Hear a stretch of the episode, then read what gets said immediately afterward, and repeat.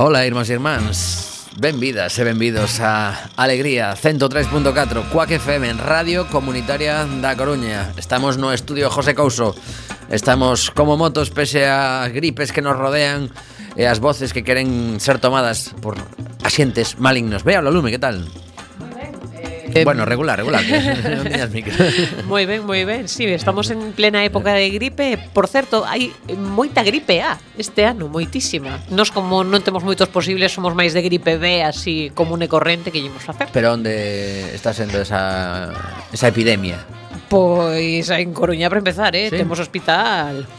Gripe A. E xente na UCI. Esa que era super perigosa noutras Sí, sí, sí, esa que cando ia ser o, o fin do mundo mm, parecía que ninguén tiña gripe A. Pois parece que cada ano vai a máis. Algúnha eh, recomendación de prevención? Beber moita auga, deso que dicen sempre ou tomar vitaminas, non, non sei. Pódese facer algo? Mm, non sabría dicirche exactamente porque din que hai algunhas eh, cepas destas de vacunas de gripe que levan partes de gripe A, pero a deste ano non sei exactamente como vai nin se fai moito, porque ademais xa sabedes que a vacuna da gripe dun ano faise en base a gripe do ano pasado, co que realmente non é xa exactamente igual que a gripe do, do ano presente. Entón, pois mira, cuidadiño, a xente que ande con gripe tapar ben a boca, eh, lavar as mans, todas esas recomendacións que realmente nos daban para a gripe A son boas ideas. Eh. Bueno, e, dende logo, que en canto haxa eh, febres e todo isto, pois consultar. Lavemos as mans, pois. Ben, temos eh, dende aí aproximadamente segundo e medio a Isalema no micro número 6 da emisora, que tal? Cinco, cinco, pero hola, moi boas tardes a todos e a todas. Bueno, cheguei un pouco tarde, pero aquí estamos. Eh, non mister. pasa nada, incorpórome así rapidísimamente, con discreción. Home, entrando pola banda como vai, eh, Claro. bo extremista. Que...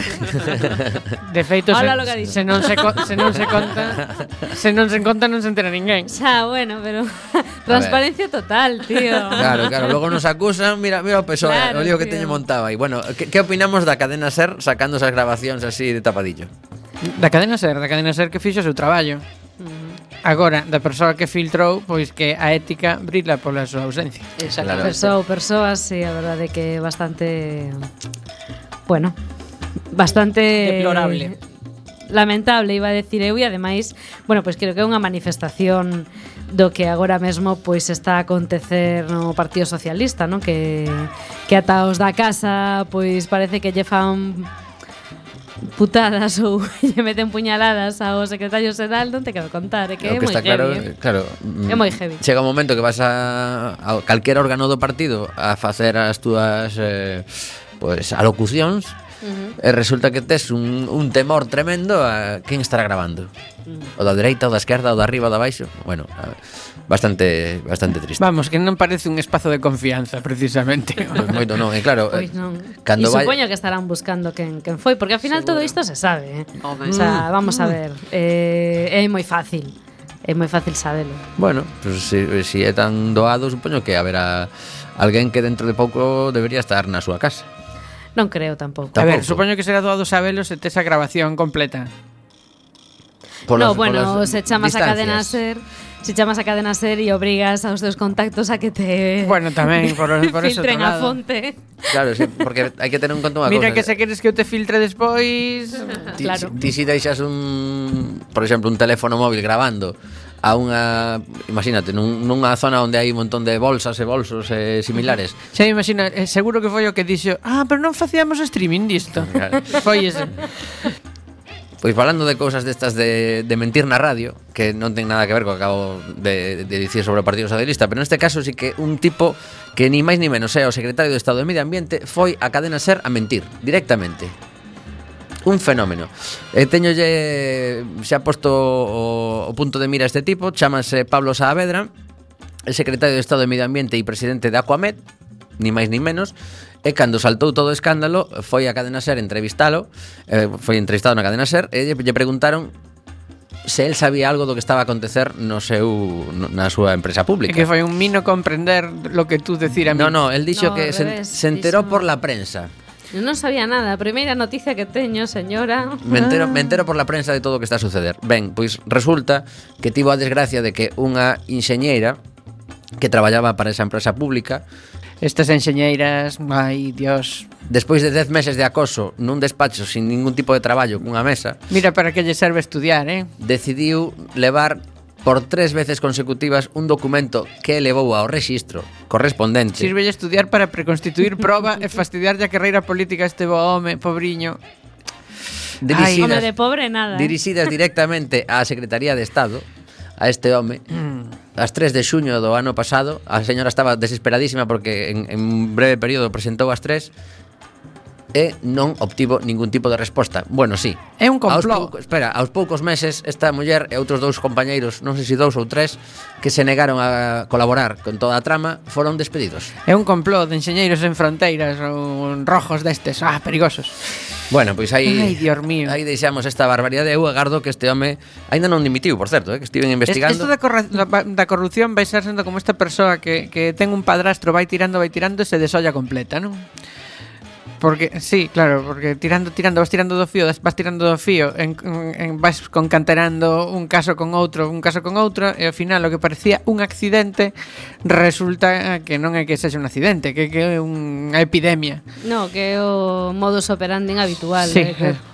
Parece que se Tremendo. está demostrando, non? Saltamos do que pasaba Bueno, pois eh, na Comunidade de Madrid isto xa é unha empresa que ten unha sede en Madrid pero que ten a sede de Madrid, quero decir, pero que é unha empresa a nivel estatal e, e bueno, e, e de aquí pois pues, xa vamos, eh, non sei, a Valencia, por exemplo, bueno. e que non sei, esta cousa que parece que Muy que malita. modos, no, que parece que o modus operandi dos non si, nin sequera dos políticos a máis alto nivel, sino tamén intermediarios e demais, pois pois era este, non?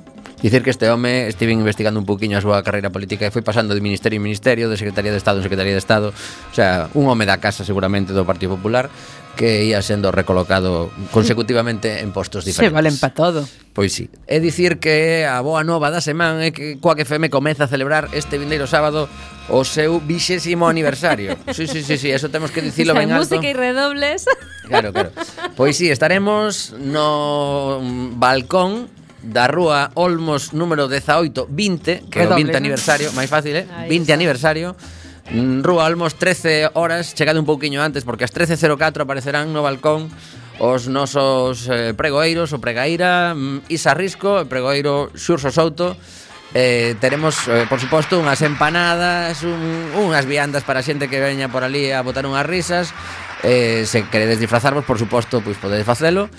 Eh, dicir de feito, que... sí, sí, sí, de feito haberá unha programación especial de Coaque FM pois para un pouco contarlle aos eh, amigos e amigas que non estean ali pois que é o que está a pasar. Así que a partir destas 12 da mañá, aproveitando que había un programa en directo que eh, bueno, Seración, pues, Bravú. Bra Xeración Bravú, bueno, pues vamos a facer aí un mix Bravú Quack FM en xeral e vamos a montar aí un, un festival tamén radiofónico, como ten que ser. E non podía traer a un grupo diferente para celebrar este brindis que aos enemigos coa súa canción Brindis. A ver, si son os nosos músicos de cabeceira, terían que ter unha canción para a ocasión. Pois está, escoitamos un minuto e a volta entrevista super interesante, xa veredes. Podría hacer daño el agua y no el licor.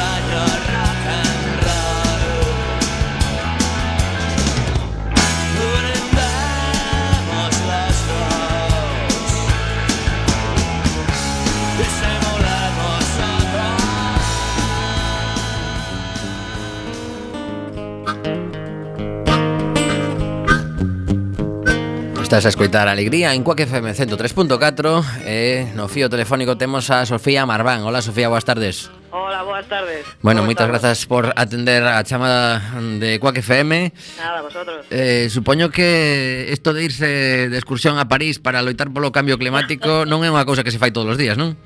Non, de, de feito é, é todo un privilexio, non? E tamén formar parte bueno, dunha asociación como Amigos da Terra e formar parte de, do movimento social, do movimento de base pola justicia climática, non? Entón, sí, de feito foi unha gran oportunidade e todo un privilexio pois, poder eh... compartillar con toda esta xente. O resultado non foi moi doado, non foi moi positivo, pero bueno, está en marcha moitas iniciativas e eh, hai que seguir para adelante. Bueno, imos centrar a nosa audiencia sí. que, que o, o primeiro que deben saber é que falamos contigo, pois pues eso, a raíz de, desa, de desa uh -huh. visita que fixechedes hai, hai pouquiño a, a París eh, sí. a través neste caso de, pois pues eso, da organización Amigos da Terra eh, non, non sei cal foi o traballo previo antes de ir a París para uh -huh. que para que decidiras ti en concreto ou o colectivo decidira que alguén de vos tiña que estar ali.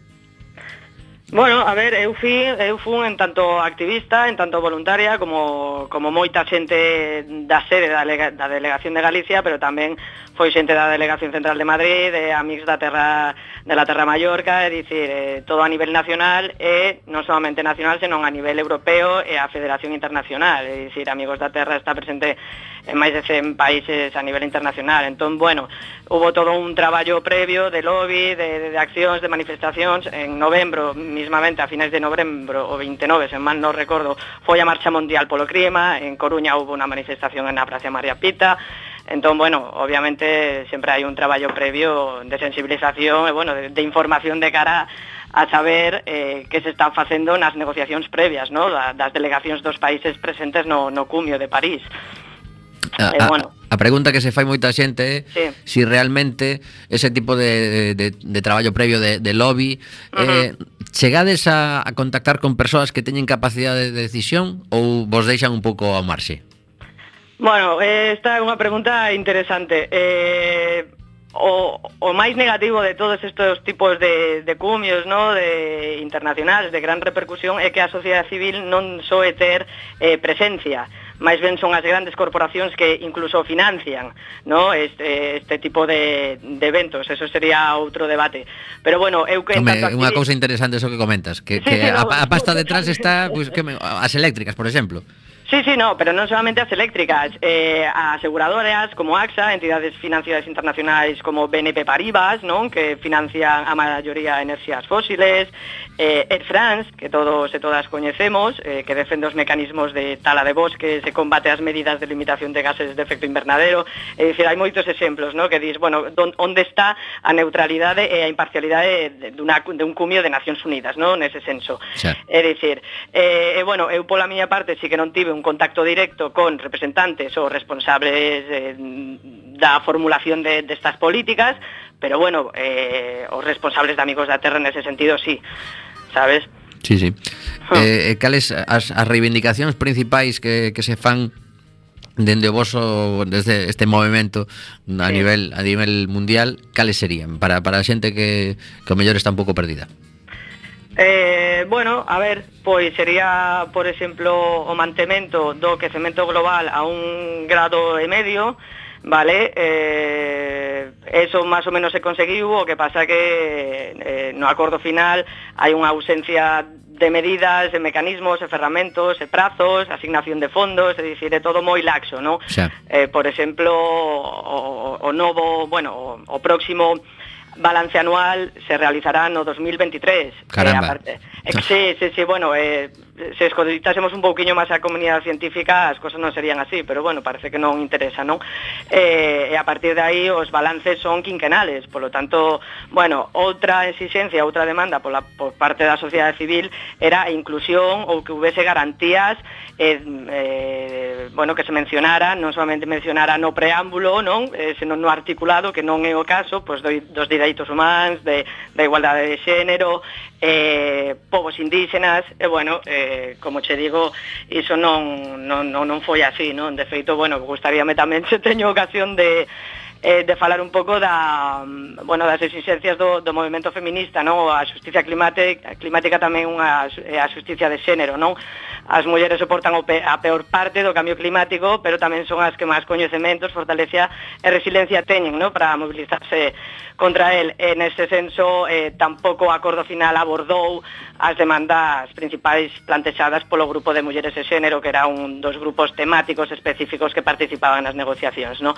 Pero bueno, queremos queremos tamén transmitir unha eh, un enfoque, non unha visión positiva de que se están facendo cousas e que é a cidadanía tamén que ten que corresponsabilizarse, xa que corresponsables políticos nese senso non podemos contar moito, non?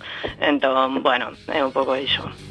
Sonia, unha pregunta relacionada cos debates que se plantexaron sí. no cumio no cumio de París. Uh -huh. eh, estaba moi interesada en coñecer se si se falou, por exemplo, de problemas que están relacionados e co, cos efectos do, do cambio climático. Por exemplo, pois eh, o acceso aos recursos naturais, o acceso á alimentación, non? o dereito a garantizar o dereito da alimentación e, e se se propón de alguna maneira pois un cambio de modelo non? de produción e de, no. e de consumo. No, no, no. Ah, bueno, no, claro. pues nada. No, no, no, no, sí, sí, sí, sí, no, che digo, che digo, claro.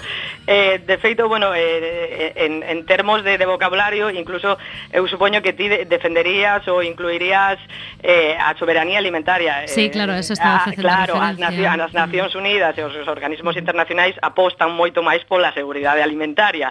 Eh, hai bastantes diferencias, non?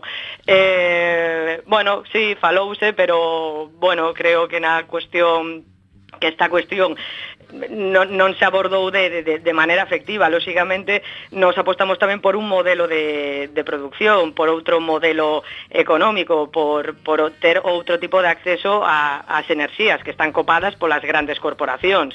Entón, bueno, mm, a, a conclusión tampouco é positiva, pero bueno, hai solucións, hai alternativas, hai outras opcións, como pois por exemplo eh, aquí a nivel local, cambiar de proveedor eh, enerxético a unha renovable, seguro que, que coñecéis a nivel galego eh, tamén catalán hai, hai todo tipo de cooperativas enerxéticas e eh, bueno, eh, un pouco o que se quere transmitir é que, é que se poden facer cousas, non?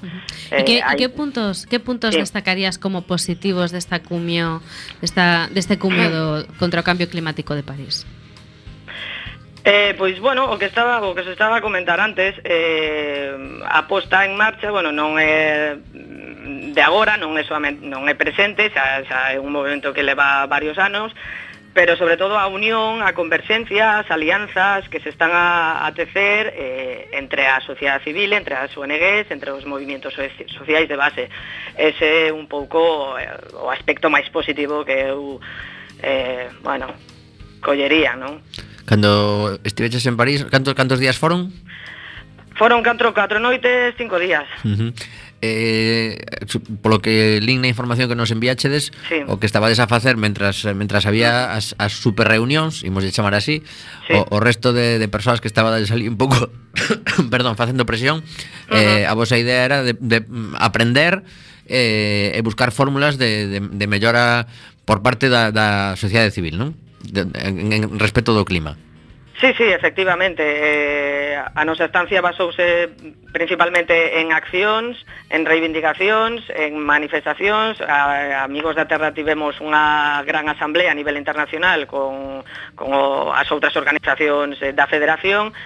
Eh, e, bueno, efectivamente, de feito tamén fomos ata o Bourget, que era, bueno, a sede onde estaban facéndose todas as as, as negociacións un pouco para, para bueno, achegarnos e tal, e, e ter a información de base, pero é verdade que, que foron os compañeiros, as compañeras responsables de comunicación as que estaban máis pendentes, pois, bueno, dos acordos, dos borradores, das modificacións que se estaban levando a cabo e tal, E bueno, era, era un pouco, pois sí, facer ruido, basicamente, ¿no? Uh -huh. Estar, estar perto da, da, bueno, pois do lugar e da xente que estaba ali intentando facer algo. Uh -huh. eh, desto, destas cousas que aprendedes cando cando viaxeades, cando ledes os documentos que vais sacando a sí. vosa a vosa federación, ademais uh -huh. dese dese cambio de modelo enerxético de, por exemplo, pues, participar en, en Nosa Enerxía, unha das cooperativas galegas que temos, uh -huh, eh, outras medidas que se poden tomar bastante en serio as persoas nas súas casas, que sempre se sempre as falamos, pero despois eh, como que tes a, a dúbida, sobre todo aquí en Coruña con este tema de Nostián que, que parece sí. que, que nunca se remata de, de clarificar.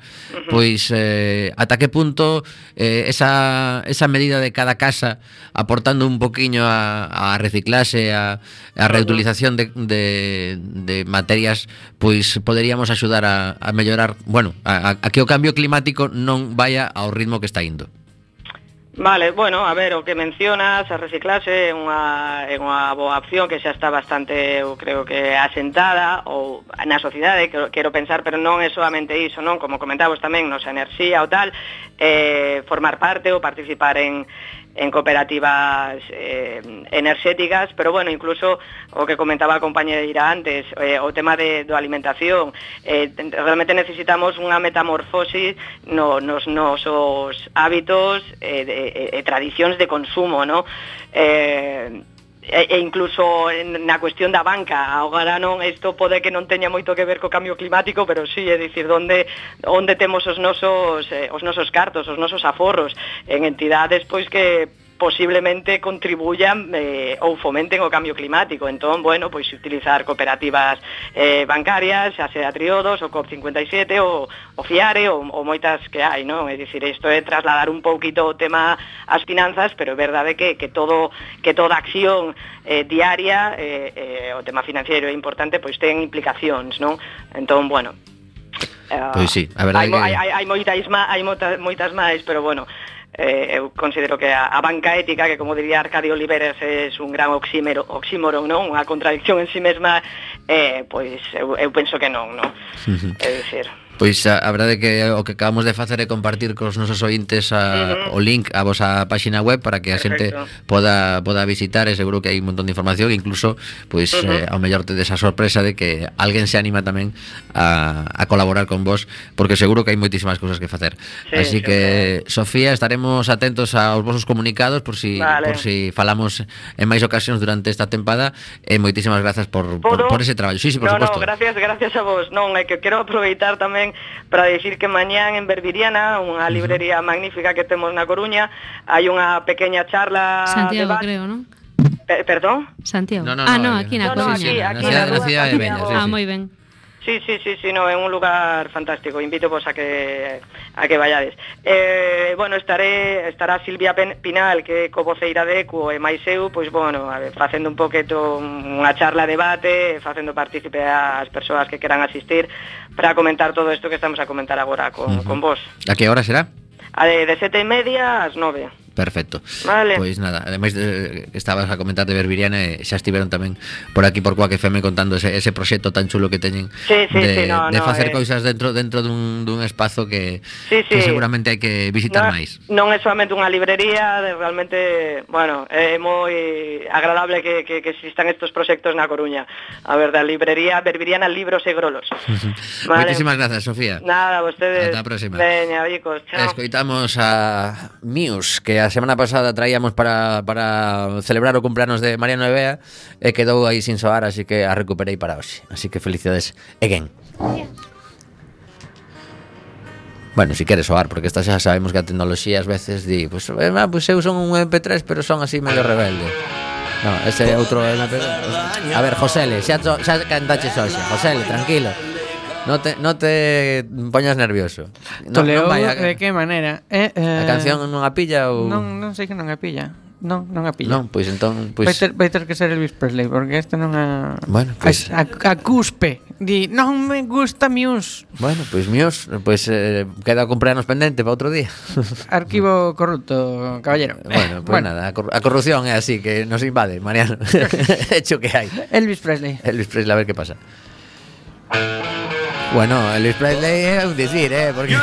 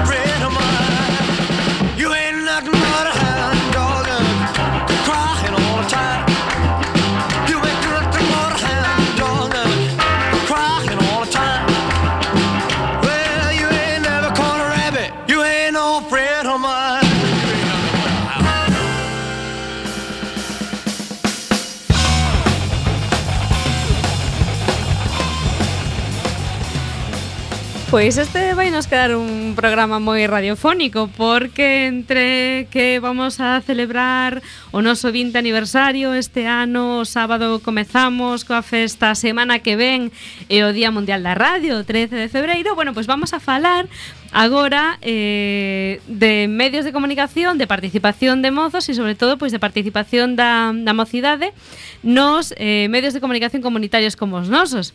E para iso, bueno, pois chamamos a un, a un amigo, podemos chamar de, podemos decir que é un amigo da casa, que é un investigador da, da Universidade eh, Rei Juan Carlos de Madrid, Alejandro Barranquero, e Alejandro é unha un dos investigadores, dos 14 investigadores que promoveron un, un estudio moi interesante desde o meu punto de vista que se chama Los jóvenes y el tercer sector de la comunicación en España. E entón pois aproveitando que se acaba de publicar os resultados deste, deste estudo pois vamos vamos a falar con Alejandro. Moi boas tardes Alex. Hola, buenas tardes y felicidades que os estoy oyendo por el 20 aniversario. Sí, sí, sí, 20 anos 20 anos. Bien. Pois, pois a, felicidades a a ti tamén un pouco como coordinador non deste, deste proxecto de los jóvenes e el tercer sector da comunicación pois no cal eh, estivo moita xente implicada pero conseguiuse por primeira vez pois abarcar eh, ou facer un estudio sobre medios de comunicación alternativos terceiro sector que lle chamades a nivel estatal. Exactamente, nunca y nunca se había hecho algo de estas características en, en todos los años que llevamos de democracia. Aunque tengamos una democracia joven, la verdad es que se echaba en falta que, que un grupo de, de gente lincase el diente a este territorio tan diverso, tan bonito y tan y tan desconocido, por desgracia, en el en el ámbito académico, en el ámbito legislativo, político, ya ya, sabemos cómo, cómo funciona. Pois eh, unha das cousas son dos puntos máis interesantes do, do estudo é que aproveitache desa excusa, entre comillas, do, da participación dos mozos no terceiro sector para tamén facer unha radiografía do terceiro sector. Como está o terceiro sector da comunicación a nivel estatal? Uy, mm, pues podríamos hablar de, de muchas cosas. Eh, bueno, en primer lugar me gustaría decir que, que, el estudio, yo he tenido la suerte de dirigirlo y de pensar un poco en el equipo, pero el estudio lo, han conformado 13 personas, a las que, por supuesto, desde aquí también quiero, quiero agradecer porque, porque no habremos llegado a este punto si, si no somos un grupo de, de gente apasionada, que, mm, que hemos hecho un esfuerzo, un esfuerzo grande y un poco desde el compromiso con, con el análisis de esta, de esta realidad, ¿no? Y de hacer un poco una radiografía, como estás planteando, un, un primer mapa de cómo son estas iniciativas en España. Pues si me preguntas, en primer lugar lo que te diría es que son, son muy diversas.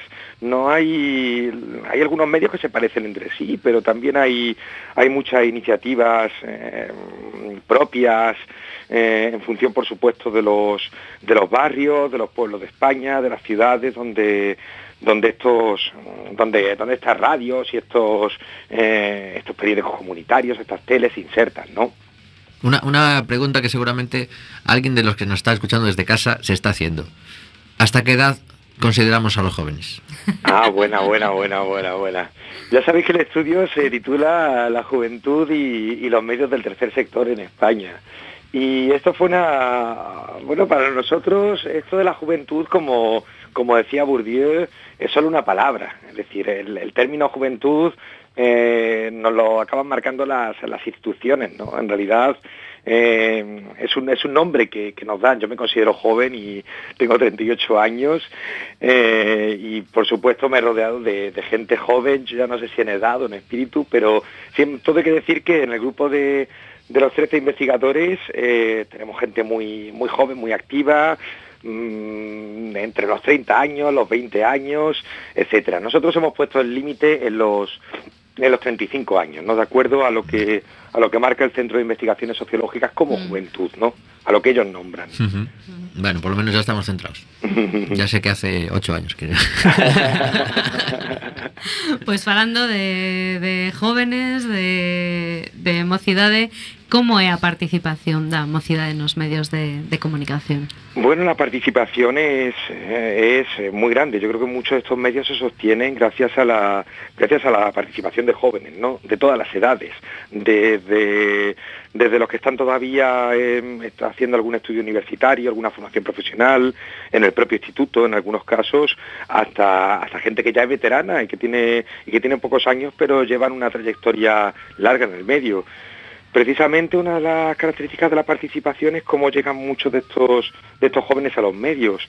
Al principio casi por el boca a boca, desconociendo que es un medio del tercer sector y posteriormente lo que destaca en, en la mayor parte de, de, los jóvenes a los que hemos consultado es que acaban enamorándose de un medio de estas características, ¿no? Donde por primera vez oyen discursos alternativos y, y, distintos a los que están habituados a encontrar en otros medios, ¿no?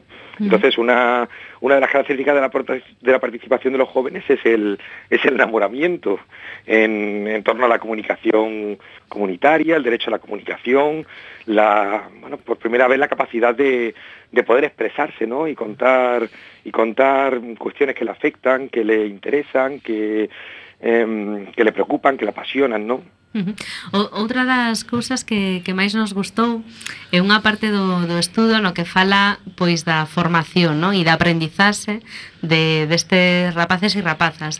E facían moita referencia, por exemplo, a, a xente que que está estudando na universidade e que, sen embargo, a través de carreiras universitarias, incluso pois xornalismo ou comunicación audiovisual, etc., etc., non teñen a posibilidade de facer unha práctica, non? E que, sen embargo, nos medios comunitarios e neste senso na, nas radios comunitarias, pois atopan un espazo tamén de, de liberdade, non? E un espazo pois de pois de, de sentirse realizado persoal e profesionalmente.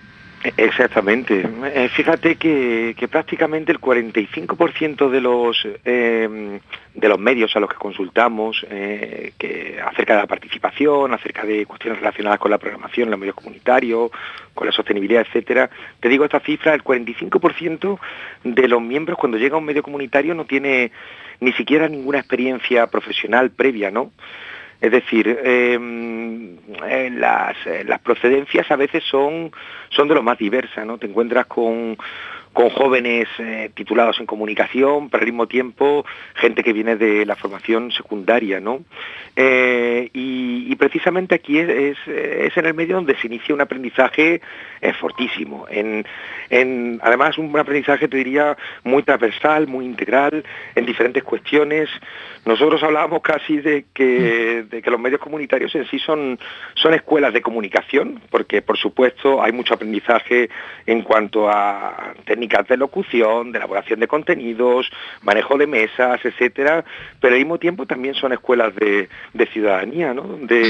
Donde muchos ciudadanos al final entran en contacto con, eh, con debates que le, que le afectan, eh, mmm, cuestiones que, que, tienen que ver con su entorno más inmediato de preocupaciones o, o incluso cuestiones de, política eh, nacional o global, tratadas de una manera, de un enfoque diferente al, al de los medios privados comerciales o de los medios públicos a los que estamos acostumbrados, ¿no? Uh de, de enfoques diferentes, O estudio tamén a, reúne eh, medios de comunicación con moitísima antigüedade, como pode ser coa FM, que cumprimos 20 anos, e medios eh, pois emersidos ou que nacen pois dos movimentos do, do 15M, por exemplo, nas prazas de Madrid, etcétera, etcétera.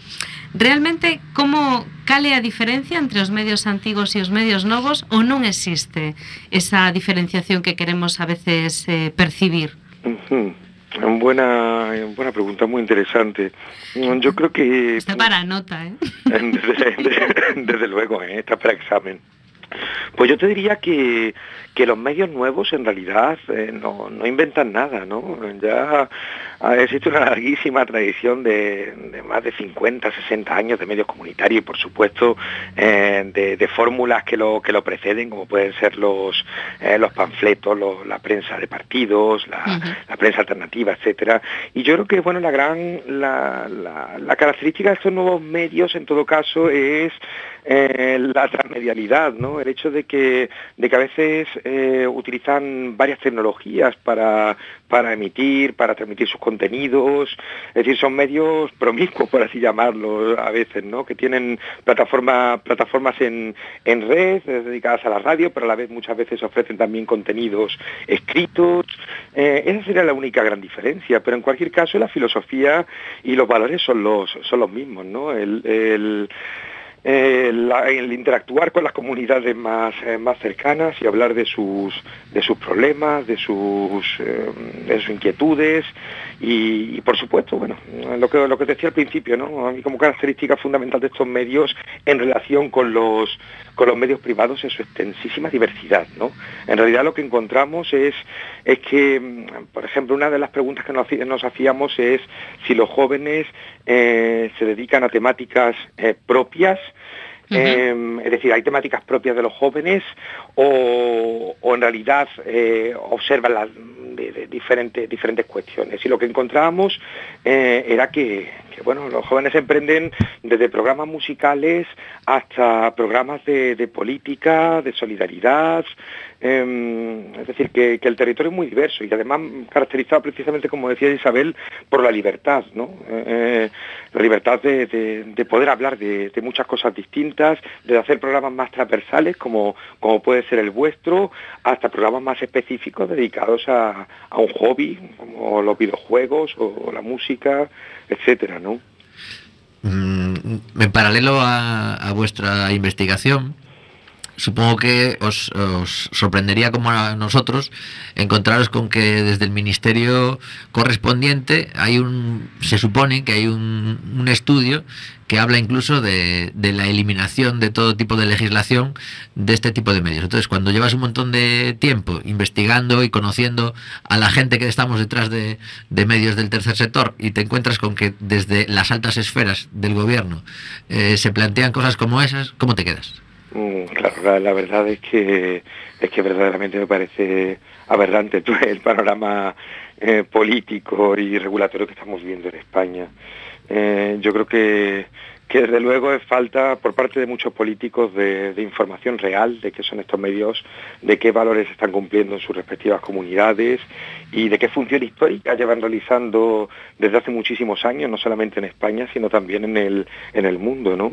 A mí me, me parece preocupante el estado, el estado actual en el que que seguimos, que seguimos sumidos, ¿no? Porque por supuesto me sumo al, al proyecto de los comunitarios, más allá de que, de que por desgracia como investigador no puedo participar en, en ellos, no tengo, no tengo tiempo material. Ahora, en cualquier caso, por ejemplo, lo que, a lo que nosotros nos lo que nosotros nos gusta también es, es haber haber investigado acerca de este, de este sector con un pie en, en, el propio sector, ¿no? De tal forma que, que creo que que sin, sin, haber, sin haber tenido un equipo de gente con, eh, en el que también hay, además de profesores, hay activistas y gente que lleva muchos años en los medios del tercer sector, igual no podríamos haber cerrado este, este estudio, ¿no?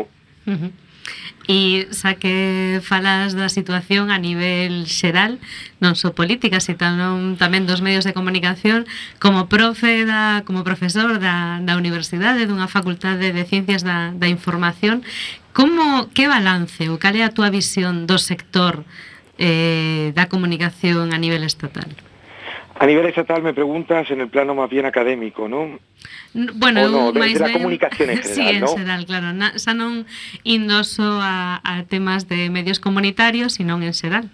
Sí, por supuesto. El, sector de la comunicación en España está atravesando una crisis profunda, ¿no? Eh, yo diría que no solamente una crisis económica y ligada, por supuesto, a sus propias formas de financiación, sino también en cuanto a valores, a contenido, a, formación, a rigor, a independencia. Es decir, en los últimos años lo que estamos viviendo es un proceso monopolístico acelerado uh -huh. de grandes empresas, grandes conglomerados mediáticos que han, que han reducido la, la, la diversidad de voces en, en, un país tan rico como el nuestro. ¿no? Eh, entonces, mmm, como a mí el balance que me llevo es, eh, y ya lo, ya lo llevo un poco a mi, al terreno, al terreno personal, al terreno profesional, a mí me llama mucho la atención cómo en las propias universidades españolas aún no, aparecen contenidos ligados a los, medios comunitarios o siguen suponiendo casi un territorio eh, marginal en comparación con los grandes medios o lo- los medios convencionales eh, cuando, en realidad eh, estamos viendo que los medios tal y como los teníamos concebidos de manera histórica no están funcionando, no están cumpliendo con su labor de servicio público, de interés público, ¿no? Y hablando precisamente de, esa labor de interés público, eh, comenzamos el programa haciendo referencia a esas filtraciones que, que escuchábamos ayer en la cadena SER sobre el Comité Federal del, PSOE y supongo que alguna reflexión habrás hecho a nivel personal sobre esto porque, porque es parte de, tu trabajo, ¿no? Sí, por supuesto. Lo que lo que estamos viendo no sé, para mí tiene poco que ver, lo que estamos viendo en los grandes medios, tiene poco que ver con el con, con un periodismo enfocado en, en valores, en, en- en- el compromiso con, con la ciudadanía, que es quien lo, que es quien lo sostiene, y bueno, un territorio mediático que al final lo que responde es a intereses de los grandes grupos de presión, políticos, económicos. Entonces, frente a esto sí que tenemos una, una salida, y es que la, la salida la tenemos desde hace muchos años, que es, que es acercarnos a, lo- a los medios más cercanos, a los medios que nos rodean, a los de nuestro barrio, a los de nuestro entorno, para, para verdaderamente escuchar información independiente, bien contrastada, eh, con otras fuentes, con otros actores. eh, y, y, mm, bueno, eh, por supuesto, es que podríamos, podríamos hacer un, un balance de lo de, de las noticias que se han publicado hoy, en- tanto en España como, como a nivel internacional, y no nos quedaríamos, y no terminaríamos de encontrar errores, sesgos, eh, malinterpretaciones, desinformación. eh, por eso, a fin de cuentas, en lo- los medios comunitarios creo que están eh, cubriendo ese, esa- ese papel de función, de función social y de servicio público que deberían de tener los otros medios, ¿no? E os rapaces de 18, 19, 20 anos que entran na universidade e se matriculan nunha pois nunha carreira de xornalismo, nunha carreira de comunicación audiovisual, a que aspiran? ¿A qué aspiran? Bueno, eh, Ti que falas con eles? Sí, sí, sí, sí. Eh, también la, la, la, la- la pregunta difícil, ¿no? Porque sí que sí que los chicos llegan sabiendo lo que lo que actualmente se van a encontrar cuando cuando aterrizan en el mercado laboral, ¿no? Es decir, saben que hay una situación de, de crisis generalizada eh, y, y no son escépticos en realidad, son optimistas porque también ven que hay que hay salida frente a la crisis, que tiene que ver con, con iniciativas eh, de- de- sostenidas de otra manera, ¿no? Muy diferente a, a- a como hasta, hasta entonces han hecho los medios, es decir, hoy con poco, con poco capital y con mucho capital de ideas y de imaginación se puede montar un, un- medio de comunicación, eh, por supuesto, y hay, y hay inici- iniciativas cooperativas eh, realizadas en grupos de, de amigos, a partir de asociaciones, de pequeños movimientos sociales que, que también hoy día se pueden, pueden disponer de un medio de comunicación eh, con plataformas de, sencillo costo como o de poco costo como, como internet no pero por eso creo que lo- los estudiantes por, por ese lado eh, saben que el, que el panorama está difícil pero que en cualquier caso si se aguza la imaginación podrán podrán encontrar formas de, ganarse la vida y por supuesto de, disfrutar con lo que con lo que hacen no. Bueno, pois para quen nos este escoitando pero non este no, nas nosas redes sociais hai que decir que eh, Barranquero e compañía colgaron in, de maneira íntegra os resultados do estudio, o seu estudio completo na, na página web do, do proxecto. Así que tamén se pode consultar aí íntegramente, non? Sí, exactamente. Tenemos, eh, como, como decíamos antes, ¿no? Hoy tenemos la posibilidad de difundir eh, contenidos eh, a, a partir de a partir de redes sociales y a partir de, de plataformas como la que tenemos en el proyecto para que lo- los ciudadanos libremente puedan apropiarse de ese conocimiento que, que nosotros que nosotros de alguna manera hemos generado, pero que es para que no es nuestro, que es para ellos. ¿eh? Una de las premisas que teníamos nosotros en el, en el propio estudio es que si, si hablábamos de medios comunitarios, libres, universitarios, alternativos en general, eh, uno de nuestros de nuestras finalidades tenía que ser devolver el conocimiento a aquella, a aquella gente que, que lo estaba compartiendo, ¿no? Es decir, si hemos recurrido a, a muchísimos jóvenes eh, para, para hacerles entrevistas o a o a mucho a mucha gente que conoce bien los medios del tercer sector para que para que contesten nuestras encuestas, lo importante es ahora que, que el propio sector encuentre ahí un, un reflejo de lo que es y, se, y este conocimiento de alguna manera ayude al propio sector a conocerse mejor a sí mismo, ¿no? Una, una visita a lo mejor con una copia bien encuadernada a la Secretaría de Estado de Telecomunicaciones. Estaría bien también. Sí, mira, ve- venimos a, venimos a traeros esto que os va a entretener muchísimo. Sí, sí, sí. Ahí tenemos un, cierto compromiso político y Isabel forma parte del, equipo y, sabe que en parte mm, al, no, al, haber demasiadas investigaciones, investigaciones en torno a la materia, de alguna manera este diagnóstico que hemos hecho, este gran mapa de eh, compuesto de más de 90 proyectos de, de comunicación del, del tercer sector, de alguna manera un retrato de, la- de las diversas formas de, de financiación, de organización, de participación de las comunidades en, lo- en los propios medios del tercer sector. Y de alguna manera nosotros adquirimos el, el compromiso político de darlo, de darlo a conocer, por supuesto en nuestras redes de contactos, compartirlo con la gente de los medios, pero hay una labor que tendría que pasar igual también con, con mostrar nuestros resultados a, a estos políticos que a veces eh, no es que elegirles en nuestra contra, sino que directamente desconocen el tercer sector y, y- y la labor que estamos realizando, ¿no? Pues www.losjovenes y el tercer sector.org y, y aí pois todo o mundo interesado pode consultar o, o proxecto. Alejandro Barranquero, moitísimas gracias por estar con nós esta tarde, un bicazo enorme. Muchas gracias a, a vosotros y a vosotras. Un beso muy fuerte, ¿vale? Desde Málaga. Continuamos en alegría con A Econova de Beaula Lume, que de esas seccións que aparecen e desaparecen cual guadiana, pero se si polo menos temos cinco minutiños, dará tempo, Bea? Ti crees que sí? Algo faremos. Bueno, pois pues, eh, escoitamos a sintonía eh, a economizar.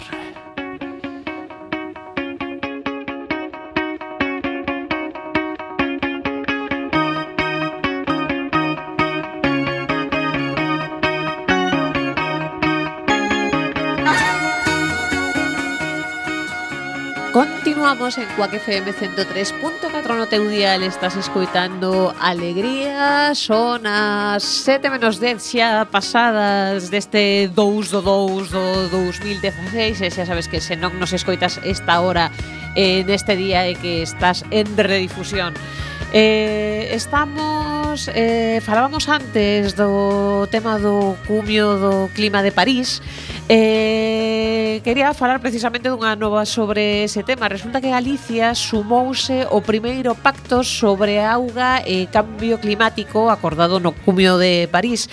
Segundo a conselleira de Medio Ambiente, Beatriz Mato, que ben me escoito agora, que maravilla, si da gusto, gracias. Estaba, estaba despedindo a.